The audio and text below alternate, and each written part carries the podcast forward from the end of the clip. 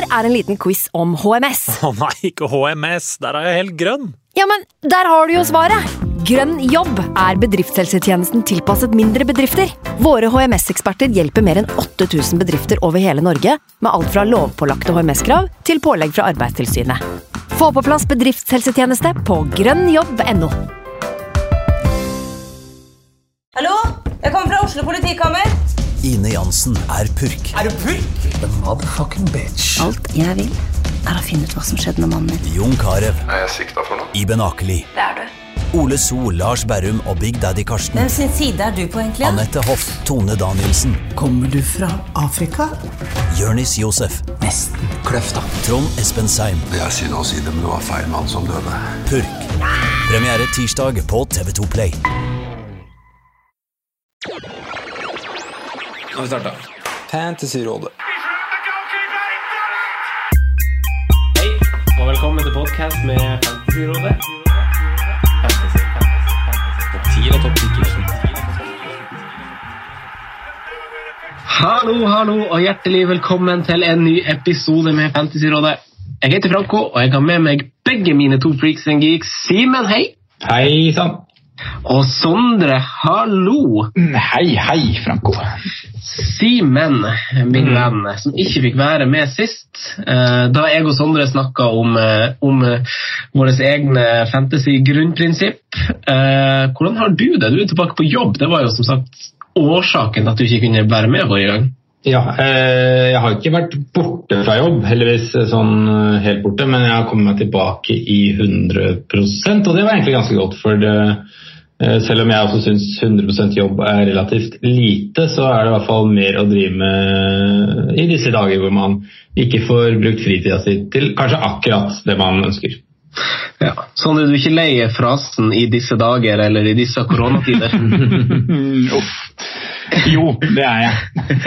Folk må få lov å si hva de vil, men Ja. det, er, liksom ingen bedre ting å, å si. Nei, det er akkurat det. Altså, hva annet skal du si da? Altså, for, for å påpeke på en måte, hvordan, hvordan det er. Men, eh, men heldigvis så begynner jo eh, Vi kommer jo nærmere sommeren for hver dag som går. Og, og du nevnte jo sist at du hadde vært ute og, og prøvd fiskelykken, og det fikk jeg også prøvd, eh, prøvd nå. Og det er litt morsomt å få gjort litt sånne ting, da. Jeg syns eh, sommerhalvåret er desto mer uh, positivt, og, og du har mer gjøremål enn det du har på vinterhalvåret. Absolutt. Vi har vært heldige, vi som har vært uh, i sør, med, med hvordan det, det kunne vært verre.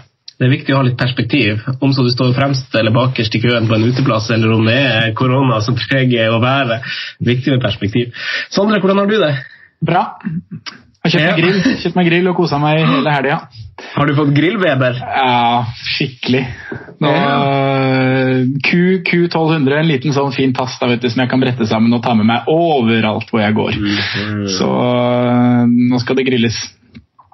Jeg har inntrykk av at sånne, sånne grillfolk som får liksom smaken for grill, så plutselig blir det liksom grilling hver dag, og så plutselig har man en sånn steinplate man skal steke pizzaen på, og det er ikke måte på. Ja, det tar er det der, eller? Nei, jeg har vel bestemt meg for at jeg ikke skal dit heller. For jeg, jeg må jo si at jeg er ikke så veldig fan av den der grillkulturen, uh, egentlig. Uh, jeg hiver på noen kjøttstykker, og så blir det det det blir. Uh, jeg er ikke sånn mannemann med, med ulike grader og marineringer fra A til Å. Det, det er enkelt og greit. og Jeg liker å spise ute. Det er vel det som egentlig er å lage maten ute. da, liksom er hoved... Ikke som Jon Arne Riise, spise ute. Nei, det har jeg ikke pengene til. Det har egentlig ikke han heller, men han gjør det vel for det. Ja, men det, det som er Problemet med grill er jo at folk skal grille så jævlig hardt. Altså Det skal jo være svart rundt hele kjøttstykket, og da er det jo så tørt og jævlig og ja. Altså, en, Det er jo en grunn til at du bestiller en beef medium medium rare på en restaurant, for det er jo da det er best. Det er jo ikke best når det er svidd fra A til Å. Men det blir fort det når man griller. Ja, det gjør det. Det er det som er tar det Bare gi det noen øvingstimer, noe sånt, så, så, så får du en eh, tender indrefilet med bakt potet og kryddersmør. der. Jeg jeg og Simen kommer på besøk. Ja, ja, ja. Solkysten der og skal spise med det her, for du, du har jo sjøutsikt fra balkongen din. Ja, ja, her i Miami har vi det. Bakt potet det lagde jeg faktisk forrige helg. Det er en veldig undervurdert Ja, eh, matrett. Den eh, snakkes for lite som og hylles for lite. Bakt potet, time og kvart i ovnen der, og så bare mate på med dressinger og bacon og oster og det som verre er. Og toppe det med litt mais da, og grillkrydder oppå der igjen. Da er du der. Det er godt. Det kommet langt, da. Fink er jo den der potetbakeren også, som ofte sto på sånne eh, hva skal vi si, bygdefester og, og litt sånne happeninger der. Ja. Eh, Drita full i halv fire-draget, på vei hjem. En potetbakeren bak potet til 200 spenn, bare få det ned. ass. Det, det var verdt hver eneste krone. Her i Holmestrand så er det ja, Beklager. Men her i Holmestrand så har vi potetbua. En liten sånn eh, henger som blir kjørt rundt. Nå er jo, Det er ikke så mye liv uh, i byen, det er det for så vidt aldri. Men uh, de lokale vankerne da, som vanker på Bakke bar, de svinger gjennom potetbua på vei hjem. Da får du da en skikkelig en bakt en i, i hånda. da. Ok, gutta. Er dere klare til å snakke om det vi skal eh, snakke om i dag? For vi har eh, spilt inn quizer og det ene og det andre og løst pausen egentlig på, på etter beste evne, ettersom vi har fått forespørsel på og om. Og I forrige uke Simen, så jobba du som kjent. Jeg og Sondre snakka litt om egne strategier om det som gjelder Fantasy Premier League. Eh, men i dag så skal vi jo kjøre vår første rene Fantasy Premier League-episode på en god stund. For det har seg jo sånn at De siste uttalelsene tilsier jo at Premier League skal ferdigspilles. Fortsatt masse spørsmålstegn, men vi tar utgangspunkt i den infoen vi har. og Det er lite vi vet, men vi har fått informasjon.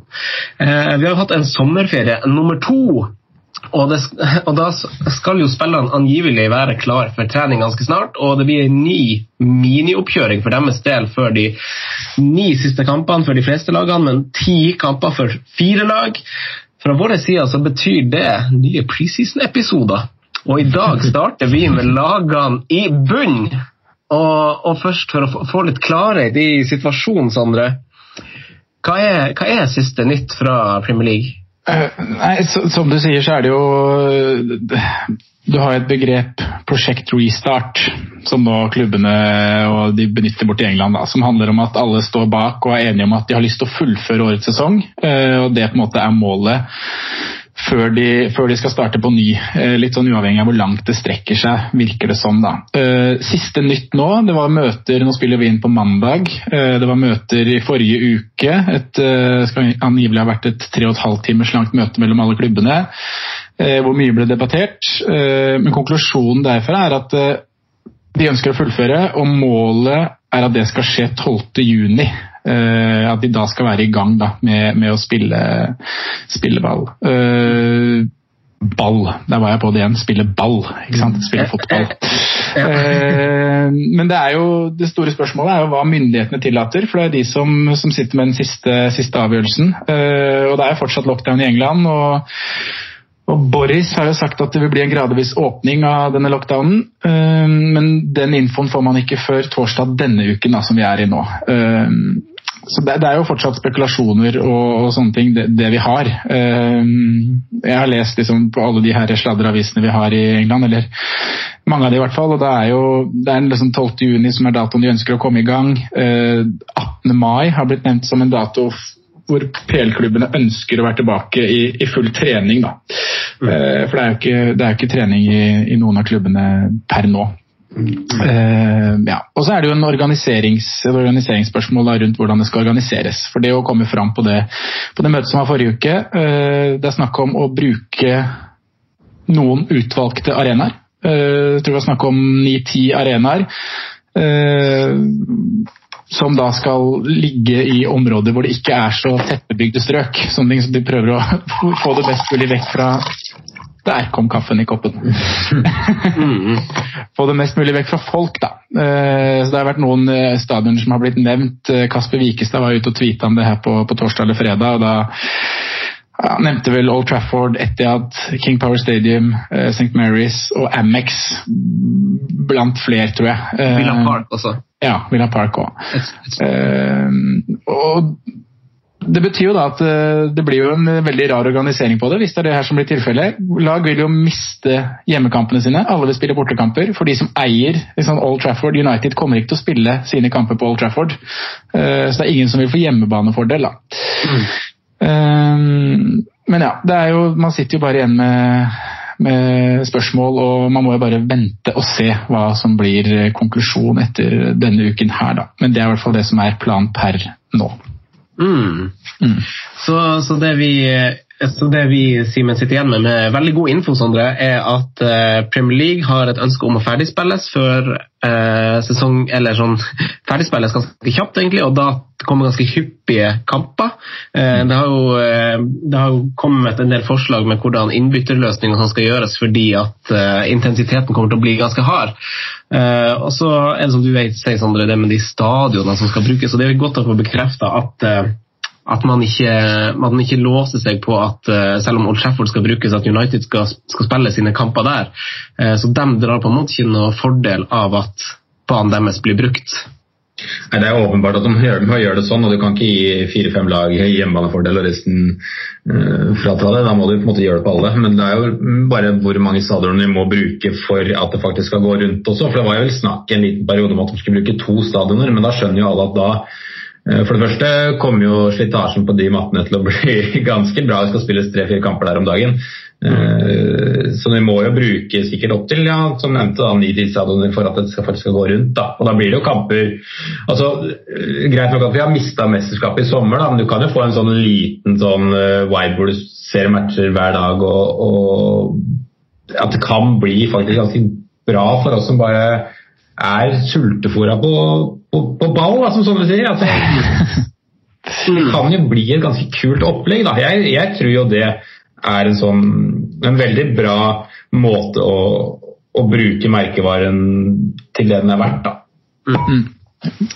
Så, så, gjenstår det å se da hvordan eh, Fantasy Premier League velger å løse det. Om det blir dobbeltrunde, eller om de lager det til liksom helgerunde, midtukerunde, helgerunde, midtukerunde, eller om det bare blir avlyst. Men det her er jo ting som, som, bare blir spekulasjoner, og for oss å sitte her og skal mene og synse, kan vi nesten holde for oss sjøl, egentlig. Men uh, skal, vi, skal, vi, skal, vi, gå til å snakke om, eh, om lagene vi skal snakke om? Ta en liten pause, så kan dere gjøre som jeg eh, også burde ha gjort, men ikke gjorde, og fylle kaffekoppen i pausen. Vi starter på bunn ting har ikke gått helt veien for, eh, for Falke og co., kan man eh, påstå. Det har vært mye skader som har prega, eh, og det var vel et tegn til bedring i, i Norwich, og så slo koronaen ut i full blomst. Hva mer er det, er det å si her, Sondre, om, om Norwich? Nei, de har jo vært uheldige med skade gjennom sesongen, som du sier. Men, men likevel så ligger de vel kanskje der hvor uh, det var forventa at de skulle, skulle ligge. Uh, de hadde en veldig positiv åpningskamp. Det husker jeg godt fortsatt mot Liverpool, hvor de, de taper jo 4-1. Men det var liksom veldig mange som var, som var, positive til Norwich etter den kampen, og meldte at dette er et lag som kan, kan klare å holde plassen. Eh, mm. Og det er jo fortsatt mulig. Eh, de har, eh, de har kun seks poeng opp til sikker plass. Og som du sier, så var det et av lagene som var litt på bedringens vei da, før koronautbruddet kom. Vi var liksom litt spente på perioden de skulle inn i. Man kunne spore en liten bedring i formen. De hadde hatt en viktig hjemmeseier mot Leicester og hatt, det var en cupkamp der mot, mot et litt B-prega og utaform Tottenham, hvor de også leverte greit. Og så hadde de en, noen sånne ettmålstap mot Sheffield United, eh, Liverpool og Spurs i ligaen. Så det var liksom håp om at, eh, eller for deres del, at de hadde håp om at de kunne nå med kniven på strupen skulle klare å, å karre til seg de poengene de trengte. Og de hadde jo også på papiret en del fine kamper. Mm. Uh, hjemmekamper mot uh, Southampton, mot Burnley, mot Everton, mot Brighton og mot Westham. Så de hadde ja. jo veldig mange matchballer der på eget gress. Uh, hvor, de, hvor, de, på en måte kunne, kunne jo avgjort det her selv, da, hvis de hadde kara til seg de tre poengene i disse matchene. Um, men det som har gjort Norwich har jo levert bra, eller liksom, det har vært spennende offensivt, men det som har gjort at de ligger der de ligger, og det er at de de slipper jo inn altfor mye mål. Uh, sluppet inn tredje flest mål totalt, tredje flest mål hjemme. Uh, også sluppet de bra med mål på bortebane. Og Det er jo hovedsak Forsvaret de har hatt flest skader, og det har vært uflaks der, da, som du sier. Uh, Så Norwich er et av de lagene som kanskje taper eh, mye da, på nøytral grunn, i og med at de har vært relativt svake borte. for å si det sånn. De har vel Lurer på om de har kara til seg seks poeng på bortebane i år. Én seier og tre uavgjort. Uh, og da hadde de fine kampene hjemme, da, som de da mister, som flyttes til nøytral grunn. Mm. Så det er jo litt uh, ståa i Norwich. Det, man var jo sånn Fantasy-messig så var man jo litt spente på de. De hadde jo dobbeltrunder, det var en del billige spillere som man tenkte at eh, er det nå man liksom skal kaste inn Pukki? Jeg blant annet gikk for Krull og Duda Duda på wildcardet mitt for å dekke noen dobbeltrunder der. Men, men det aspektet forsvinner jo litt nå, da. Mm. Ja, altså Det er jo som du, som du, er inne på, så møter jo dem De har jo de ganske avgjørende kampene i, i noen av lagene de møter. Når eh, ni av kamper gjenstår, så er jo tre av dem mot Brighton, Watford og Westham, som er lag man nå er, kanskje, nå er kanskje Norwich såpass langt nede at det er jo kanskje ikke en direkte konkurrent akkurat for dem, men samtidig så er det jo, er det jo kanskje det. Eh, Simen, hva tenker du om eh, om eh, Norwich. Har, du trua på dem? Altså, det er som Sondre sier, eh, at det, jeg tror Norwich er det laget som straffes hardest med at de må gå over til nøytrale baner. da. Mm. Eh, fordi jeg også så på det som en gedigen mulighet til at de faktisk kan klare seg, selv om de ligger ja, si at det er, seks poeng opp til, opp til Bournemouth, da, som ligger Bournemouth og Watford og Westham, som har like mange kamper og ligger på den grensa, da, på streken. Uh, og dit kan de nå med de kampene de har. Uh, men jeg syns de ser uh, har sett for dårlig til det siste, samtidig som de har en del spennende offensivt. Og du så det også i starten av sesongen. Når de kommer med gutsen, så kan de slå faktisk hvem som helst. Mm. Så det de må gjøre da, hvis de skal klare seg, er å måtte snu de greiene om at de, ja, de mister faktisk de gode hjemmekampene, men de, nå har de mulighet til å slå noen av topplagene siden det er på nøytral grunn. Mm. Mm. Ja, jeg syns man, så litt den, eh, man, man så litt den gutsen uh, mot slutten her før uh, før vi tok pause. Så hvis de klarer å holde det momentumet, da Det er jo en vanskelig sport, selvfølgelig. Uh, men hvis de har noe av det med seg ut nå etter, etter koronapause, så, så, kan det bli poeng. Altså, det tror jeg. jeg tror så kan det jo være litt heldige med det kan være litt heldig på lang sikt da, med at klubbene har, har dårlig økonomi i disse tidene her. fordi Eh, det er en, faktisk, Norwich er kanskje det laget som, hvis de rykker ned, hvor flest vil hente spillere fra. For de har en del spennende unge på vei opp. og F.eks. Todd Campbell hadde jo blitt budkrig om. Uh, til Han er en spiller som kommer til å prege Premier League mange år fremover. Sammen med Bundia og egentlig begge bekkene deres. Så, uh, Norwich kan komme seg opp igjen selv om det går dårlig i år. Mm. Nei, det er, jo, det er jo som du sier, Sondre. det, er, tror med Norwich. Jeg tror det er litt, sånn, det er litt utfordrende for sånne lag å, å, holde momentum over de her periodene. For fakta er jo på en måte at de har en mye svakere stall enn eh, mange av konkurrentene sine. Og det er jo veldig naturlig, og det, vi har sett det eksempelet tusen ganger før, at et nyopprykka lag starter sesongen veldig bra. Huddersfield gjorde jo også det. Wiggen gjorde også det i sin tid. Blackpool. Det er ganske mange lag som har fått en sånn boost. Nå er vi i Premier League, nå går det skikkelig bra. og så og så blir man eh, før eller siden så, så blir man henta ned til bakken igjen. Uh, og jeg tror også, som, som, dere begge egentlig sier, at en sånn her pause er veldig ubeleilig for et lag som Norwich, egentlig. Og, og det hjelper ikke at de må spille på nøytral grunn i det hele tatt. Uh, spillerne derfra, da, som, Sondre, som du har, har hatt som Duda uh, Cantor har du sikkert bytta ut, da. Uh, Krohl uh, De byttene man, man, sitter med i laget sitt nå, hvis man ikke har gjort bytter i pausen, så har man jo to bytter nå. Det er spillere man, man bytter ut. Er det prioritert å få Norwich-gutta ut? Ja, Både ja og nei. holdt jeg på å si. Det er ikke krise å sitte med en billig midtbane fra Norwich, tenker jeg. Må jo se hvordan pictures uh, blir lagt her, og hvordan, mm. det, hvordan det, ser ut. Uh, men ja, nei, jeg tenker ikke at det er krise. De er så billige, vet du. Uh, mm. Men planen om å bytte Pukki inn blir jo satt på vent, da. Mm. eller kanskje kansellert. ja, for du hadde en idé om det? Jeg hadde en liten uh, tanke om det. eller Det var liksom han eller Calvert Lewin det sto vel om, vel. Uh, ja. Jeg syns han var, uh, det var spennende å gå for han da, med det hjemmekamprennet de, de, skulle inn i og med kniven på strupen der. Og en av årsakene til at du kanskje skulle ha på han, er jo kanskje en av grunnene som, som ikke blir tellende for oss nå. For det, det var jo sånn at man, de var forespeila å ha runde i en, eh, i en blankrunde. Eh, som, eh, som, altså med FA-cup osv., mm. men som kanskje nå blir kansellert. At det ikke er noen blankrunder å ta hensyn til lenger. Derfor var vi jo veldig på at Pukki hadde kamp osv., var vi ikke det? Eller var det sånn at de slo ut Tottenham? Vi slo ut Tottenham, vet du, så de hadde jo ikke den kampen. Det var vel heller det at de fikk to dobbeltrunder senere som var min, eh, mitt argument for å gjøre det. Og hvilke kamper de har, hjemmekamper, og at de hadde kniven på strupen. Altså, det er jo et viktig moment. da, for Det, det, kan, det er ikke sånn at det nødvendigvis slår positivt uh, uh, ut, da, at det blir en positiv greie, men det kan bli det. altså Det er en topp der som man kan jakte litt. da. Mm. Men, uh, ja. Nei, det. Sorry.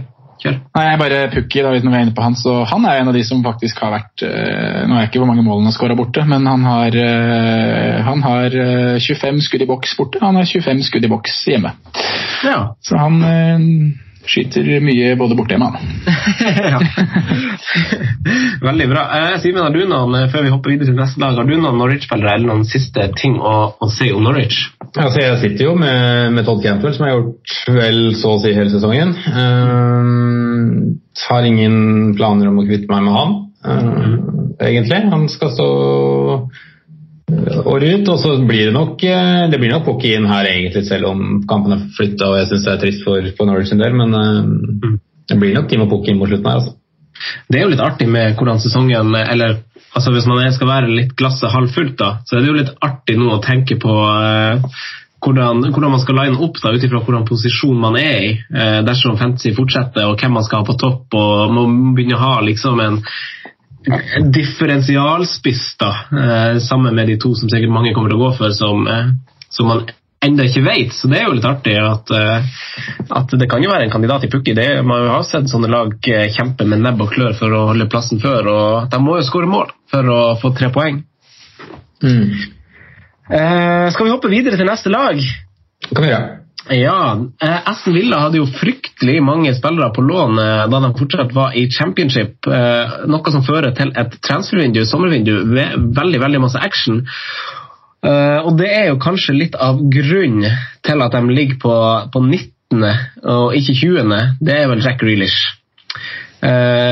Simen, hva tenker mm. du om, om ståa i Aston Villa? Um så, hvis man tenker at Vi prater akkurat om Norwich som kanskje er uheldige, så kan man egentlig si at Aston Villa er kanskje en av de som er mer heldige i hvordan ting, ting blir når det snur her. fordi I tillegg til å ha egentlig et ganske vanskelig program igjen, så ender de med å egentlig få flere fordeler ved at det spilles på nøytral grunn, slik jeg ser det i hvert fall.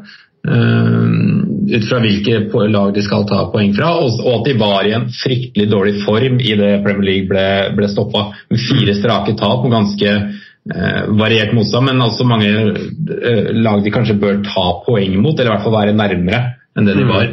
Samtidig så har de slitt egentlig siden John McGinn ble skada 21.12., mm. som er kanskje den største motoren i det laget der. Han er tilbake i trening. Mm. uh, så vidt jeg har skjønt, nære fulltrening. Mm. Uh, altså, var det idet det, det ble sparka i gang, skal, skal nok kanskje klare å bli kampfitt igjen til vi setter i gang igjen. Og det er en stor stor uh, positiv nyhet for Aston Villa. Mm. sånne kjemper. og Samtidig så er det noe med at de henta jo to spisser i januar i fraværet til uh, til Wesley. Han kommer nok ikke tilbake i løpet av denne sesongen, her, men mm, å få i gang Samatta og Borja Baston, kanskje først og fremst førstnevnte, er vel noe av det som er det viktigste sammen med at magien er tilbake. Så jeg, jeg, de har egentlig, jeg tror egentlig de er litt sånn Det er fælt å si at det er innerst inne, men hvis du ser litt nøytralt på det, så tror jeg de egentlig kommer til å være sterkere når vi starter opp igjen enn det de var når vi slutta. Mm.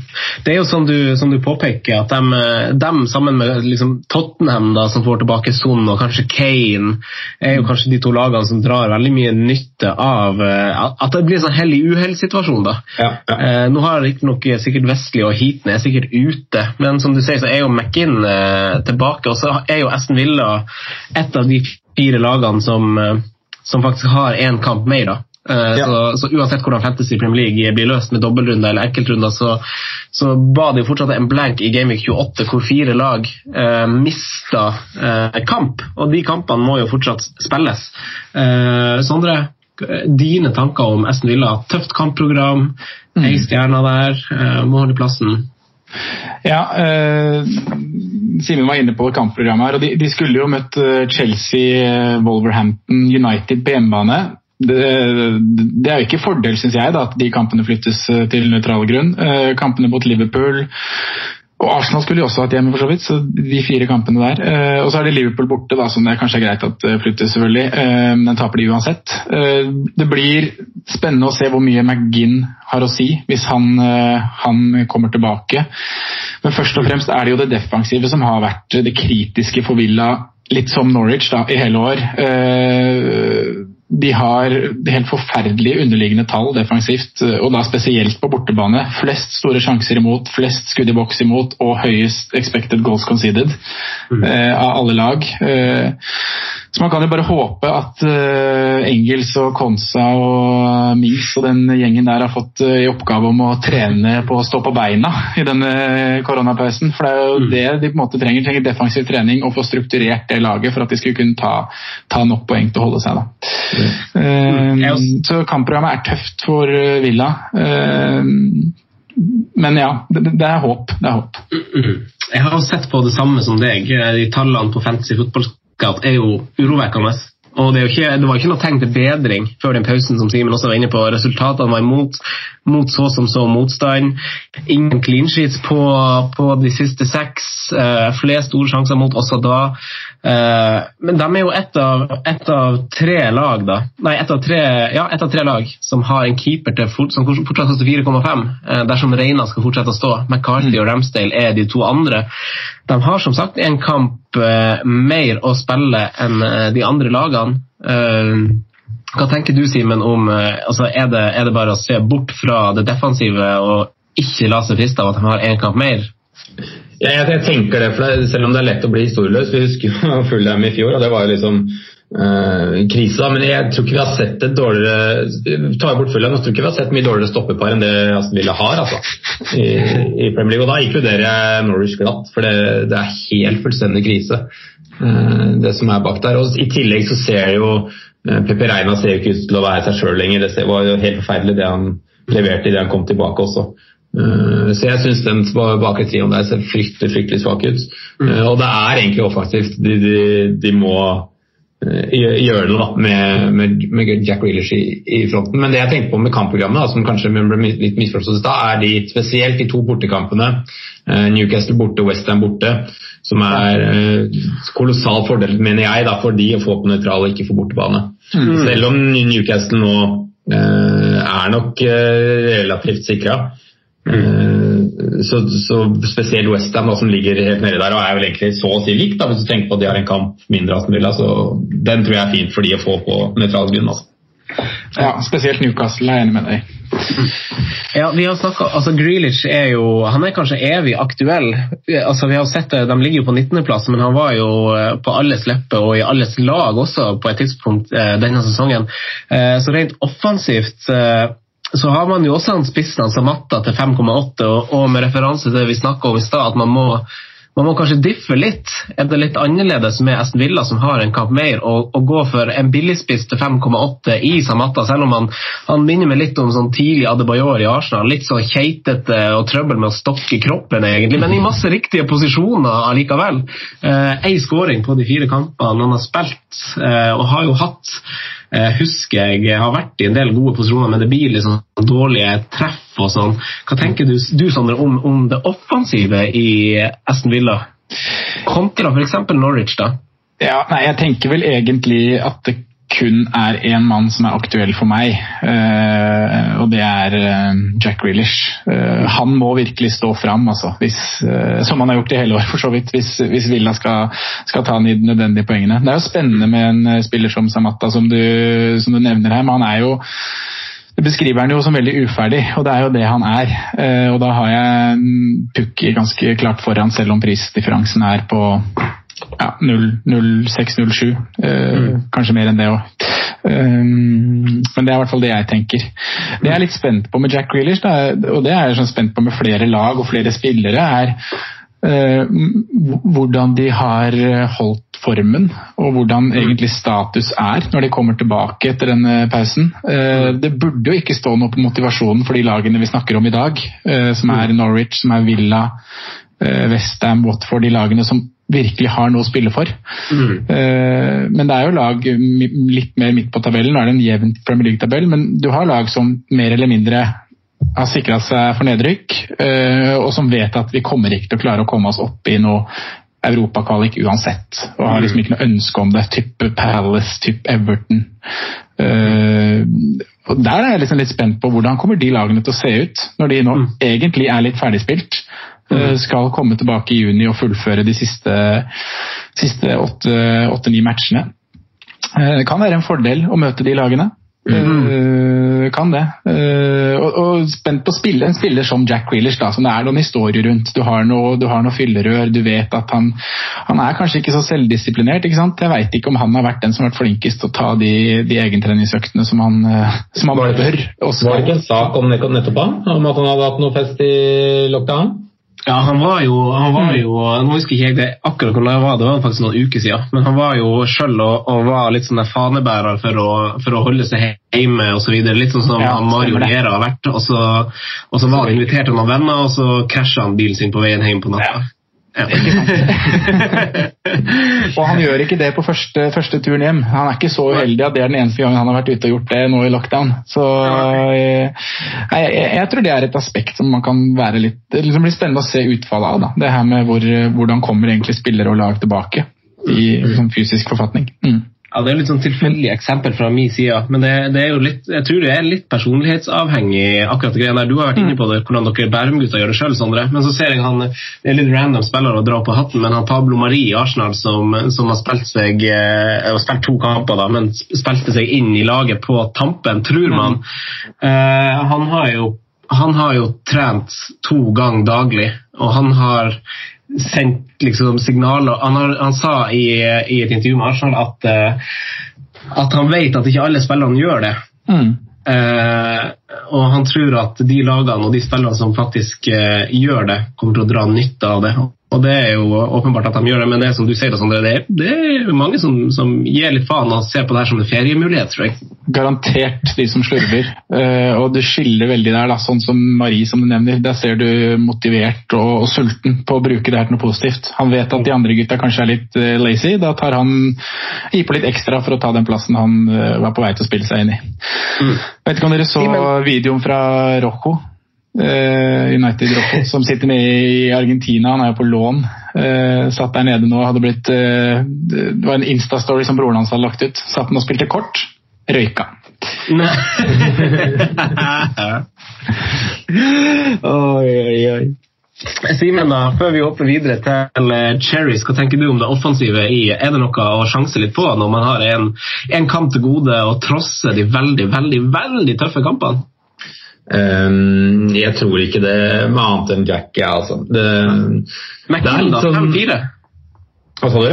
McKinn da til 5-4? Nei, jeg sa vel egentlig det også når han hadde sin lille run, at det er ikke til McGinn man skal. Er, da skal man til Jack Willish. Og, og han er egentlig et one man team, syns jeg. Uh, så kan man ha sånn som McGinn som kan løpe opp og ned og dekke litt rom, og så er det gi ballen til Jack og se hva som skjer.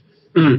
Det er, eh, det er sånn det er. Og han er, han er en eh, som jeg på, en stjerne, litt sånn eh, primadonna, som, som ble veldig hylla i hvert fall på tidlig 2000. Og hadde han vært med denne epoken der, så kunne han blitt en skikkelig rockestjerne. Akkurat. Da hopper vi videre og ned sør til, til sørkysten. Bournemouth har for meg kanskje vært det aller kjedeligste laget å se på denne sesongen her, eh, når jeg ser det jeg ser av Premier League. Eh, kan det bli eh, litt lysere tider nå, i tråd med de lysere tider på året, Sondre? Basert på, på, borteform denne sesongen, så er det jo ikke noe fordel for The Cherries at kampene skal flyttes vekk fra Vitality Stadium. Så Sånn sett så ser det ikke så veldig lyst ut, nei. De har tre seire på 15 forsøk borte så langt, så de er bedre enn Vavilla Norwich er. Men de har et relativt tøft program igjen, da. Eh, så jeg personlig tror at eh, Bournemouth skal få det meget tøft, altså. Eh, og frykter egentlig litt for, for, ja, for deres del at det kan bli vanskelig å overleve. De møter bl.a. Manchester City, de har Manchester United, de har Wolverhampton, de har Leicester, og de har Tottenham. Uh, og så skulle de hatt noen liksom, matchballer hjemme da, mot Crystal Palace, mot Southampton og mot Newcastle. Uh, mm. og Det er kanskje de kanskje, kampene der de hadde siktet seg inn på å gjøre, gjøre, det, hjemme på, ja, på hjemmebane. da. Uh, men også der har det jo halta litt i år. Det Bournemouth-laget vi så i fjor, det var jo ikke til å kjenne igjen det vi så i år. Så langt hjemme har de 4-5-5 på totalt 14 kamper. Og de har jo hatt litt sånn trøbbel på sentrale spillere. Da. Jeg tror kanskje det er litt undersnakka med Brooks. Uh, den skaden han har hatt. At, har vært, uh, at han var en viktigere spiller enn hva Han blei jo snakka om i fjor, men uh, at han kanskje var enda viktigere enn hva man tenkte. At, Wilson har jo levert noen skåringer og assister, da, men det er gjerne dødballer han gjør det på. At det kanskje har vært viktigere enn hva man tenker. Uh, men vel, nå har de vel ikke, som hvis man ser på Fantasy Premier League-siden og ser på skader der, så har de vel en relativt uh, skadefri tropp nå. Mm. Uh, men det er jo formdump på sentrale spillere og skader som har ødelagt mye der også. Uh, mm. Så det blir Jeg tror de skal få det tøft, jeg, altså. Med, med, med, å holde plassen, tenker du? Ja, egentlig. Mm. Hva tenker du, Simen? Eh, jeg syns egentlig Bournemouth har eh, et litt for godt lag til å rykke ned i år. Men jeg er for så vidt enig med tanke på hvilken situasjon de har, har satt seg i. Da. Men eh, jeg har uttrykt tidligere at jeg er veldig svak for den sentrale midtballen f.eks. Jeg syns de er gode spillere. Mm. Jeg synes også de har Når man har sett de to defensive lagene vi har vært innom, og så ser man Bournemouth, så er det jo egentlig en helt annen standard. I hvert fall i Men det er noe som ikke har stemt der i år, og det er åpenbart. Jeg tror Brooks um, har nok hatt mye å si, men samtidig så er det der de egentlig har hatt den eneste virkelig positive uh, si, forandringen fra i fjor også, med Harry Wilson inn. Uh, selv om han har også, som, som du sier, vært først og fremst på dødballer, så syns jeg han har vært, ofte vært veldig frisk. Mm. så ja, Litt men samtidig ja, så jeg tror egentlig Fraværet av Ryan Frazier har egentlig vært større, nesten like stort tap som at Brooks har vært ute. for Jeg synes Ryan Frazier har hatt en forferdelig sesong. Mm. Uh, ja, Der har liksom formduppen vært veldig tydelig. Ja, og han, han, og, han og Callum bærte mye av laget i fjorårssesongen. Mm. Uh, så er, De mangler åpenbart en eller annen offensiv. Joshua King gjør som han på en måte vanligvis gjør, løper og kriger og og gjør den jobben der, men så har det ikke skjedd for mye, like mye rundt den. da. Så, Solanki har vel ikke akkurat vært en suksess. så nei, Det ser litt sånn tomt ut, men, men Ramsdale har jo vært en positiv, mm. positiv sesong, syns jeg. Jeg syns han har stått litt fram, selv om Bournemouth har sluppet inn mye mål.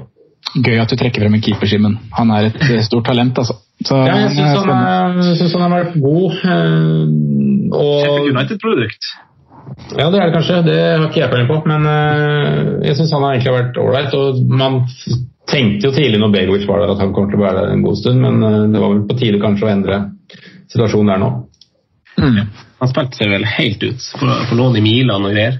Jeg, jeg, tror dere, altså, jeg tror du er inne på noe, eller for så vidt begge to, at det, det er så Jeg føler at Bornermouth har gjort jeg skal, jeg skal, ikke sitte her og si hva som er fakta og rett og galt, og sånt, men jeg føler at de har gjort ganske dårlige transfer-vindu og utnytta posisjonen sin som klubb ganske dårlig. Mm. Med tanke på at De har fått, de fikk tidlig ganske godt rykte i England for å være en spillende klubb, framadstormende trener. Eh, gjorde det greit i Premier League og var litt sånn Man likte å se på Bournemouth, og så, og så, og så gjør de så så feilgrep i transfermarkedet, syns jeg. De må bruke det, bruke det, momentumet til å hente spillere som hever, hever troppen litt. og Jeg føler at de har henta litt spillere som er liksom like gode eh, som det de har fra før av, og kanskje litt sånn overbetalt det de har betalt for de her Liverpool-spillerne, åpenbart, mm. i, i Solanke og sånn. Så jeg tror jeg frykter litt det samme som deg, egentlig, Sondre. At de eh, at det er liksom bare, at det er tomt. Jeg syns de posene under øynene til han Eddie Howie på, før pausen her eh, det, det, er jo et yrke man blir grå i håret av. Det, det ser vi på Mourinho og Solskjær og, og det er nyss før det kommer på han Eddie Howie òg, tror jeg. Jeg tror ikke det er en som sover sov godt før koronapausen kom, altså. Så det er jo et lag jeg fancy-messig veldig lett styrer unna. Eh, til tross, eh, Ramsdale hadde jo vært den ene aktuelle da, til, til 4-5. Mm. For du har en, en, keep, en billig keeper. Men nå spørs, for det blir jo til benchboost, da. Og så har man jo kanskje ikke en dobbeltrunde å kjøre benchboost i. Nei, det blir, man blir helt avhengig av hvordan dette oppsettet blir. Så kan man eventuelt begynne å vurdere sånne ting. Ja. Uh, nei, men nei, jeg, jeg, de skal krige hardt altså, med de to lagene vi har snakket om, og Watford, Western Brighton. Det er, jo, det er jo en gjeng der som skal, skal slåss hardt om å holde seg. Og jeg syns på at Nei, Det er liksom noe som har lugga i bålen mitt i hele år, og jeg er vanskelig for å se for meg at de har klart å snu om på det her nå. Mm. Med mindre da spillere som Frazier Wilson uh, virkelig slår tilbake fra den formduppen de har vist i mm. sesongen så langt. Mm. mm. Altså, det, hjelper, det, hjelper, ikke mye da når du har hatt en ganske god fjorårssesong, og så har du Jordan Ibe med psykiske problemer, du har Brooks som ikke har spilt venstre minutt, og du har 200 minutter eller noe sånt på, på, på Stanislas, som tre av de egentlig er blant de offensive spillerne dine, så har sitter vi egentlig bare igjen med en Frazier som har hatt en fryktelig dårlig sesong, inn mot Terry Wilson og de to spissene dine. Mm. Det blir ikke tynt, altså. Det er veldig tynt. Det er veldig tynt. Så dere, samtykker dere egentlig bare på at det er et lag man, man greit styrer unna? Det var vel en liten positiv kar på bekken der, Stacey.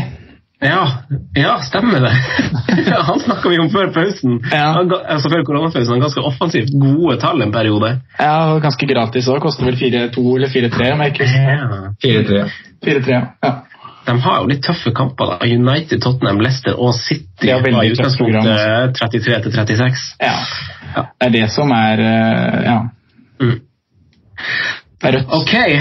Da kjører vi en liten pause før vi tar uh, Watford og Westham avslutningsvis her. Høres det greit ut? Yes. yes. Greit, det. Etter en pangstart med Nigel Pearson eh, bak spaken, så dalte det greit før pausen for, eh, for, Watford sin del. Fire poeng av 18 mulige på de seks siste kampene. Eh, for et lag som i tillegg på tampen mista Delofeu med skader. Man kan jo spekulere i om formen den dag i dag kanskje kunne ha snudd etter den 3-0-seieren de hadde mot nettopp Liverpool, serielederen. For jeg etter den kampen så gikk de jo på et 1-0-tap uh, eh, mot Crystal Palace. og Det var nesten litt sånn skrevet i stjernen at, uh, at man taper 1-0 uh, eh, mot uh, Sammy Roy. men på sånn synstesten så så ikke Watford så aller aller verst ut. ting gikk egentlig bare ikke veien. Men på de seks kampene så slapp de til femte mest mål av samtlige lag i Premier League. Eh, selv om de egentlig bare er midt på treet hva gjelder skudd imot. Og deres eneste clean på de seks kampene før pausen var 3-0-seieren mot, eh, mot, Liverpool. Så offensivt så kan det tyde på at de er litt off.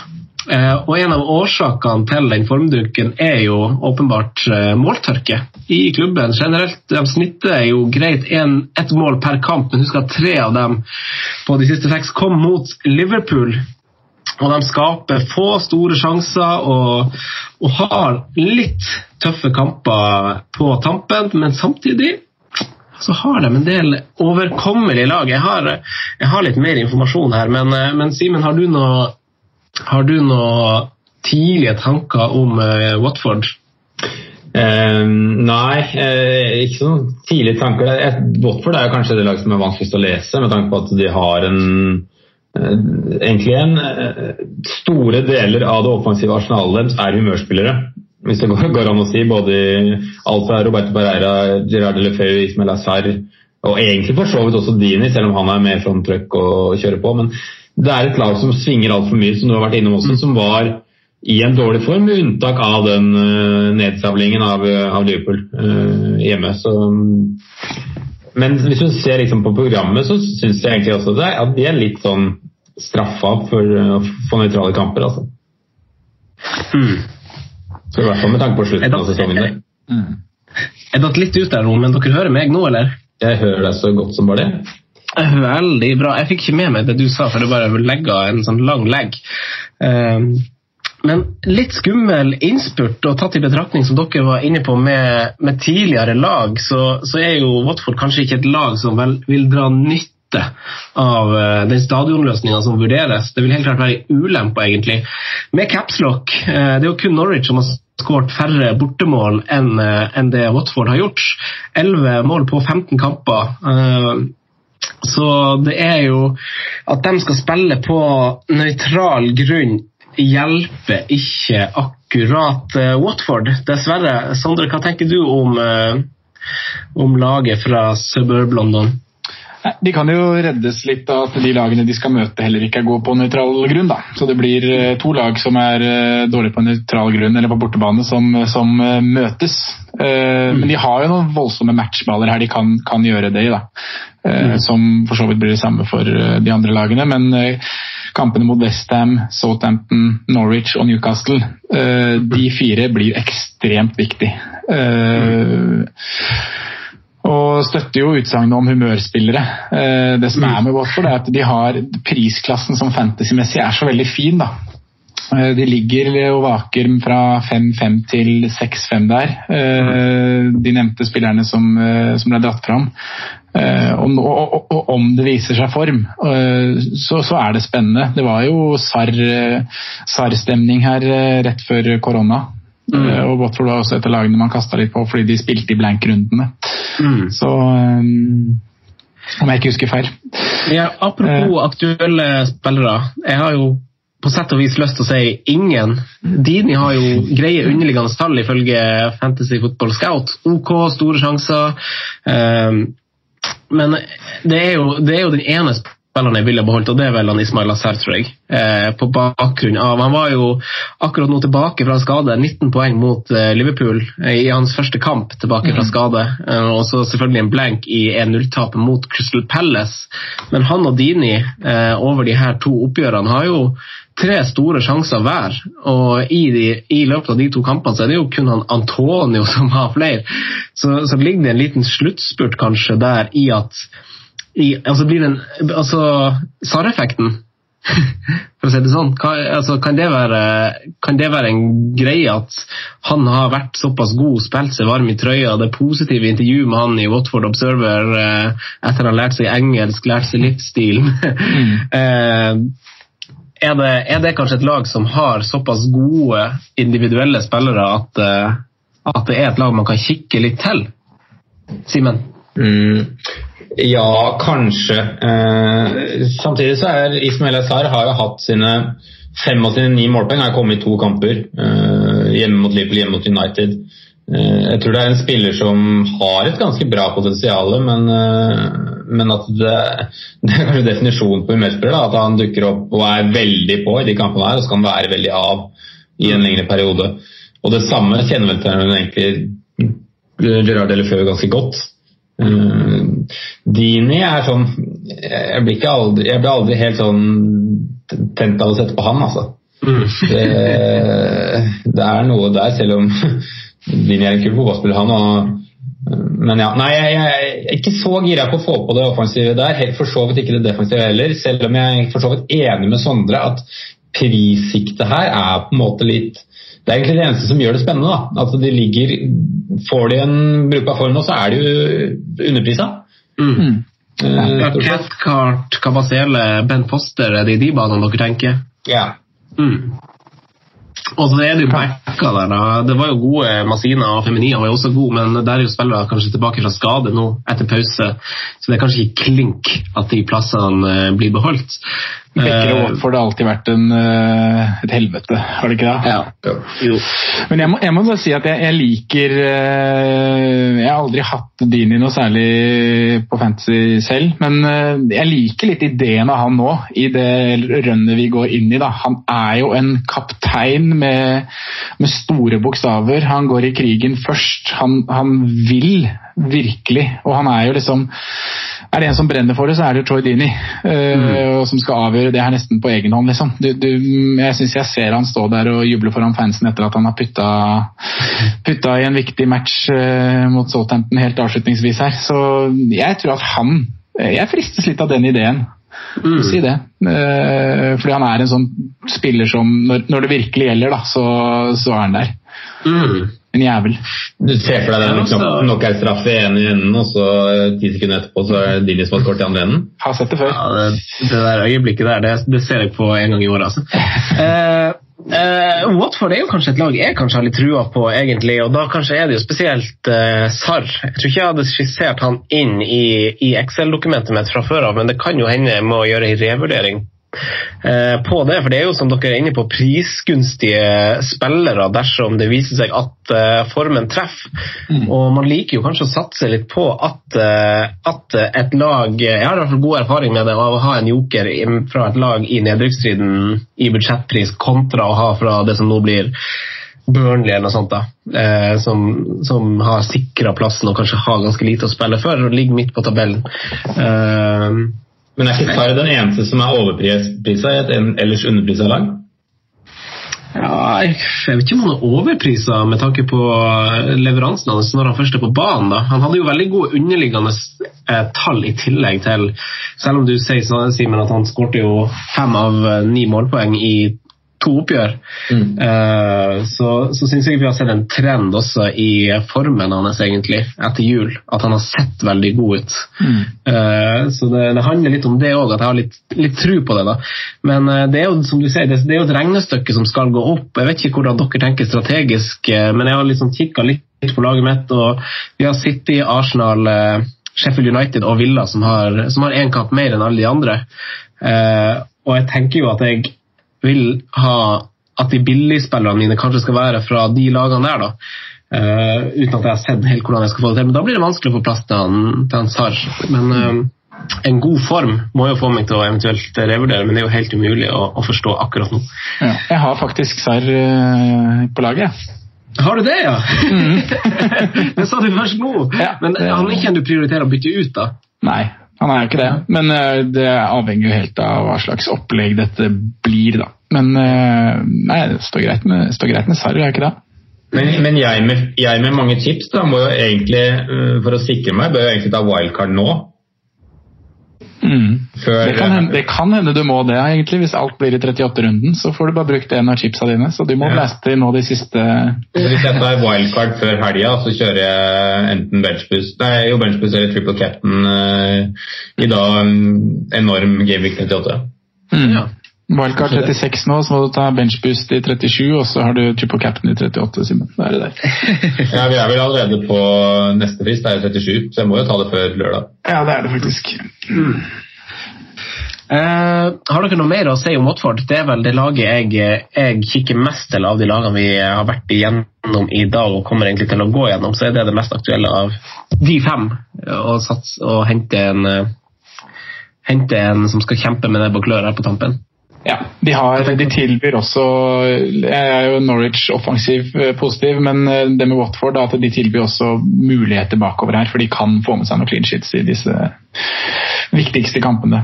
Så ja, jeg er enig med deg. Skal vi hoppe til, til Westham, da? Opp til London igjen. Eller ja, det, vi var jo nesten i London. Eh, laget som ingen egentlig kanskje snakker sikkert for flere, blir helt klok på. Tilsynelatende gode kjøp hver eneste sesong. Eh, så henter Westham en eh, spesielt i FM-øyemed og kanskje de som følger med i fotball-Europa, spennende spiller. Eh, Simen, tror du David Moyes fikser en ny kontrakt for eh, Hammerboysene? Eh, Jeg tror det, men eh, jeg håper det ikke. Jeg syns de har, på, eh, har egentlig litt sånn godt av nå, tror jeg kommet seg litt ned. Altså, Som du sier, gjort så har mye? Nei, gjort så mye rør, og det har vært så mye trenerskifte i hytt og pine, og det er eh, en, en, en, et lag som forventer det sjøl, egentlig kanskje kjempe topp seks, og som aldri kommer seg opp, uh, opp der. og Det var jo bare Slaven Bilic og egentlig bare Dimitri Payet som har gjort det at de var, har vært nære mm. de siste åra. Så mm, Nei, eh, de har jo en liten fordel da, med at eh, godeste kanskje Jarmolenko er tilbake nå hvis vi starter opp igjen. For han var vel den eneste som omtrent har vært frisk offensivt denne sesongen her. Bortsett fra noen halvlerstunder, men det har også vært godt imellom de. Eh, De har jo også en tropp som skal være altfor god til å rykke ned fra, fra Premier League når man ser det på, på papiret. Uh, hvis man ser på fictures da, og går litt igjennom som vi gjorde i stad, med om det er en fordel eller ulempe, så føler jeg også at de har en ulempe av at uh, kampene blir på nøytral grunn. Spesielt da med at du har Watford hjemme, du har Villa hjemme, du har Burnley hjemme uh, i løpet av de, de siste rundene her. da. Samtidig så får du stryke bort både Old Trafford og hva heter det, London Stadium, Tottenham Motor Stadium. Mm. Eh, fra lista. Men eh, ja, nei, eh, de skal nok klare seg. og Både Fredericks og Lanzini er vel også tilbake vil jeg anta, når vi starter opp igjen. Mm. Eh, som bl.a. Bournemouth og Aston Villa, som vi har vært innom eh, tidligere, så viste vel heller ikke Westham tegn til noe god defensiv trend eh, Trend, trend Alexander Arnold. De siste seks kampene før pausen. Ingen clean sheets der i det hele tatt. Mens offensivt så hadde de jo en en kar i, i, Antonio, som jo er en statskonge uten like, og som også var et godt driv. Eh, Sondre, hva er dine tanker om, eh, om eh, Westham sine sjanser, og kanskje spillere, spillerne der i klubben? Det første jeg egentlig tenkte når jeg skulle liksom kikke på Westham og det med fictures og hjemme borte og sånn, er at jeg har et bilde av at de egentlig nesten har vært et bedre bortelag enn hjemmelag de siste åra. Mm. Eh, at de har slitt hjemme etter ny, ny stadion. Eh, og jeg ser jo at i år så har de På hjemmebane så er det kun to lag som har tatt eh, Eller Southampton er det dårligste hjemmelaget i år med 14 poeng. Norwich og Westham ligger så delt med 15. Og borte så er ikke Westham så ille. De har tre seire, tre uavgjort og ni tap. Som gir en 14.-plass totalt da, på bortebane. Mm. Så, men jeg tror jo Dere sier det fint her. Stallen er jo egentlig altfor god til å rykke ned. Eh, jeg tror de skal klare det. Mm. Men sånn fantasy-messig så, så, er det ikke så mye jeg ser til. Altså selv om Antonio viste, viste en uh, litt sånn positiv trend mot slutten, så er jo han en Man har sett liksom det før, da. Han må vise noe mer stabilt over lengre tid før jeg velger å gå dit. Uh, så må han uh, få seg shorts som er større. men, men, men, legg sammen de tingene du sier, da, så er jo kanskje, så er jo kanskje Westham så er kanskje Westham det laget av de fem vi har gått gjennom i dag, på bakgrunn av sesongen som har gått, et lag som kanskje ligger an til å klare seg best. Altså, du ser de ligger 14. på bortetabellen. Mm. Eh, de, ligger, de, ligger, på 16. totalt, så det vitner om at, de, om at de faktisk klarer å ta en del poeng på bortebane nå når det bare skal spilles på nøytral grunn. da. Mm. Eh, så at de kan dra litt nytte av at at de klarer seg helt greit på reisefot. Eh, hvis man skal ta, nytt, ta, ta, i bruk det man vet når man velger noen jokere, så ja så kan jo det være tungt på vektskåla, men det er jo de enkeltspillerne man vet jo ikke hvem man skal gå for uh, i et lag uh, som Westham, syns jeg. Nei, jeg er helt enig. Jeg syns jo Jarmolenko er en spennende shout der, da. Eh, ja. Få han helt tilbake i kampform og sånne ting. Ja, selv om fallet til Jarmolenko er ganske dårlig, altså hvis du ser på, på, på sikt, så er det jo en spiller som egentlig, i hvert fall sånn jeg husker fra ITS, var litt spennende. Mm. Selv om han har ganske dårlige tall, og det skjer som ofte også der i de samme kampene når det, når det først kommer litt målpoeng. Men, men eh, som, som, sagt altså blir jeg veldig overraska hvis Westham rykker ned fra Premier League denne mm. sesongen. her. Uh, selv om, og jeg er helt klart det laget av de vi har vært innom nå som jeg syns ligger best an til å holde seg. Mm. Og når, altså, Du kan ikke rykke ned med spillere som Filippe Andersson i troppen din. Altså. Det, det skal ikke være lov. Nei. Det er, jo, det er jo fryktelig jevnt der, spesielt med tanke på at uh, Aston Villa har en, en, hengekamp. De har jo 25 poeng, og over dem så er det jo tre lag med 27, mm. i tillegg til Brighton på 29. Da, så det er jo kanskje de lagene det, det står imellom. Ja, det er de lagene det står imellom. Resten er sikkert. Ja, okay. Tror jeg. Eh, Simen, hvem, eh, hvem håper du? Hvordan tre lag håper du rykker ned? Oi, det er en morsom øvelse. Uh, jeg håper Westham rykker ned. Mm. Uh, skal vi se hva de som er mulige. Uh, det er fælt å si de andre jeg håper, da. Men uh, da må jeg nesten si at jeg håper Aston Villa rykker ned. Ja. og jeg håper Bournemouth rykker ned. Jeg håper Norwich Watford holder seg. Ja. Og Brighton, da, eller? Ja, nei, nei, nei, nei, nei, nei, nei, nei, nei, sorry, det spurte jo bare om de fem. Men ja. Eh, jeg er for så vidt enig med deg. Akkurat de tre lagene. eh, Det, er- det er stygt å håpe. Man vil jo, man får knytte seg jo litt bånd til de lagene som faktisk er i Premier League, og enkeltspillere og trenere osv. Hva håper du, Sondre? Nei, Jeg har de tre samme lagene, jeg òg. Men jeg syns det er vondt å si at jeg håper at Bournemouth går ned. Det må jeg si. Men det handler litt om eh, disponeringene de har gjort i år. da. De kan liksom takke seg selv litt, som du sier, Franco. Eh, og vil han ned, den er grei. Jack Grealish må bare få seg ny klubb, så er det egentlig det eneste. Det er jo det eneste man kommer til å savne derfra. Så ja. Skal vi, skal vi oppsummere med å si Det her blir jo litt på sparket, da, men utnevne en spiller i hver posisjon, da inkludert keeperposisjonen? Eh, som vi- dere har foretrukket ut fra de fem lagene vi har, eh, vi har snakka om. Og så får dere, får dere eh, si fra om dere bare nevner han fordi at han er best blant de fem, eh, eller om dere nevner han i tillegg fordi han faktisk er aktuell i en eventuell innspurt. Eh, er, dere, er det sånn at dere er klar med keeper nå på, på sparket, eller? Jeg er klar med keeper. Ok, så må ja. starte med stekk. Eh, før korona så ville jeg sagt Team Krohl, eh, med tanke på hjemmekampene der og mulighetene for at de kanskje kunne stenge litt. Eh, jeg sier nå Ben Foster. Eh, jeg tror det er de som kommer til å holde flest clean sheets av de eh, lagene her ut sesongen. Eh, han er null. bytte inn for deg. Nei, det tror jeg ikke. Jeg følger deg, jeg, Sondre.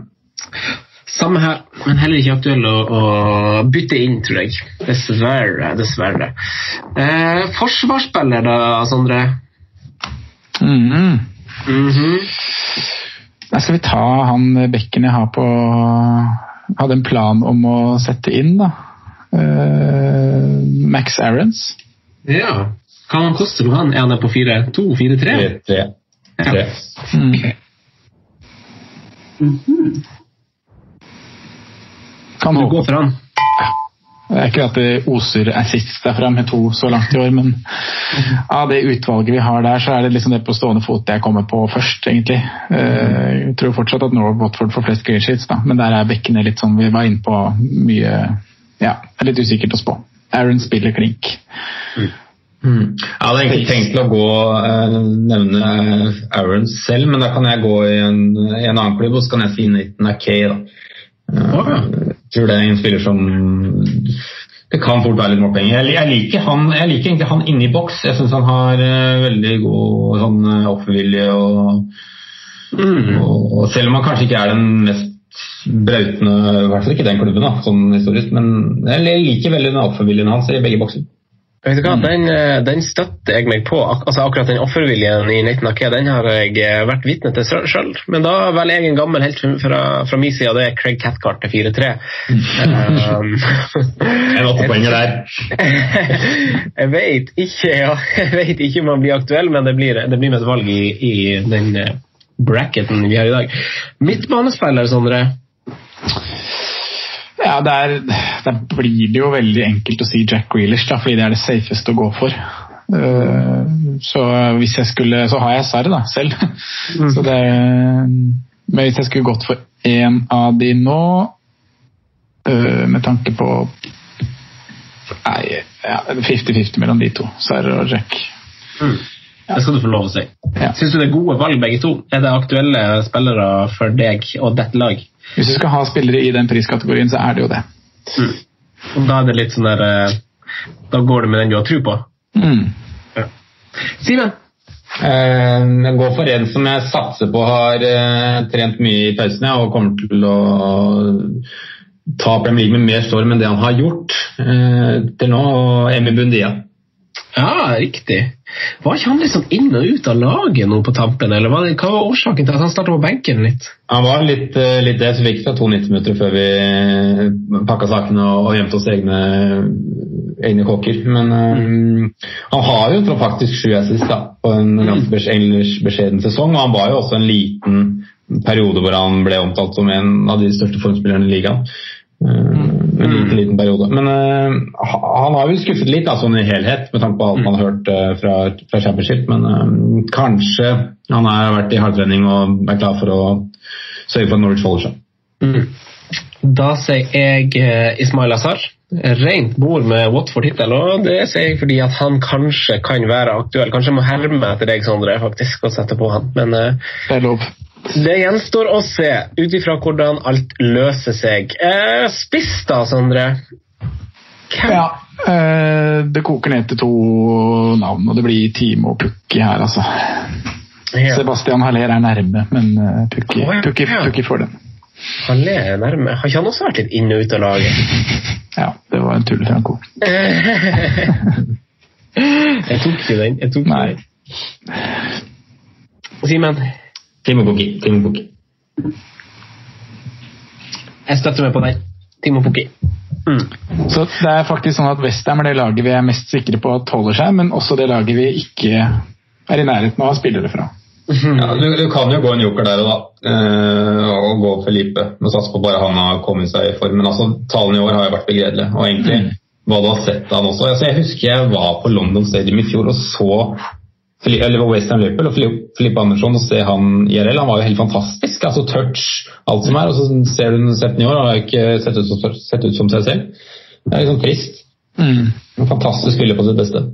Antonio, det, det, er uaktuelt. Hvis dere kikker på tallene hans og ser på formen han var i eh, før pausen eh, Det er jo en litt sånn Shangala-Bangala-spiller, men eh, er ikke det altså han, Jeg husker jeg feil nå, at han liksom figurerte nesten litt på topp på tampen der. Det kan nok stemme, det, altså, men han er fullstendig uaktuell her. ok. ok. Jeg, jeg, tror Michael, jeg tror Antonio er det beste eksempelet på at fotball er desidert den sporten alle vil drive med. For Han kunne blitt en veldig god idrettsutøver i, alle, i veldig veldig mange andre idretter, men fotballspiller det er han ikke. Mm. Men Bare fordi han har bra fysikk, så er han der oppe. ja. Uh, skal vi, Har dere noen noe siste, siste ting dere vil si før vi tar og runder av? Mm, ja, vi må håpe at det blir fotball snart, da. Ja, det håper vi. Det håper vi. Krysser fingra. Stay safe enn så lenge, og så snakkes vi neste mandag da vi skal snakke om eh, Brighton, Southampton, Newcastle, Everton og Crystal Palace. Dritten i midten. Lagene som mange ikke har noe å spille for. Mm. Um, de må i lupen, også dem. Artig å snakke fantasy og Premier League igjen, gutta. Koselig, det. Gøy. Mm. Bare savne det, ja. Ingen tvil om det. Men uh, hyggelig å snakke med dere, og takk for at dere hører på, de som hører på. Hvis det er noen som hører på nå, så. Mm. Veldig bra. Ha det. Ha det godt. Takk for at du hørte på vår podkast. Vi setter stor pris på om du følger oss på Twitter, Instagram og Facebook. Vi er fans i rådet på alle mulige plattformer.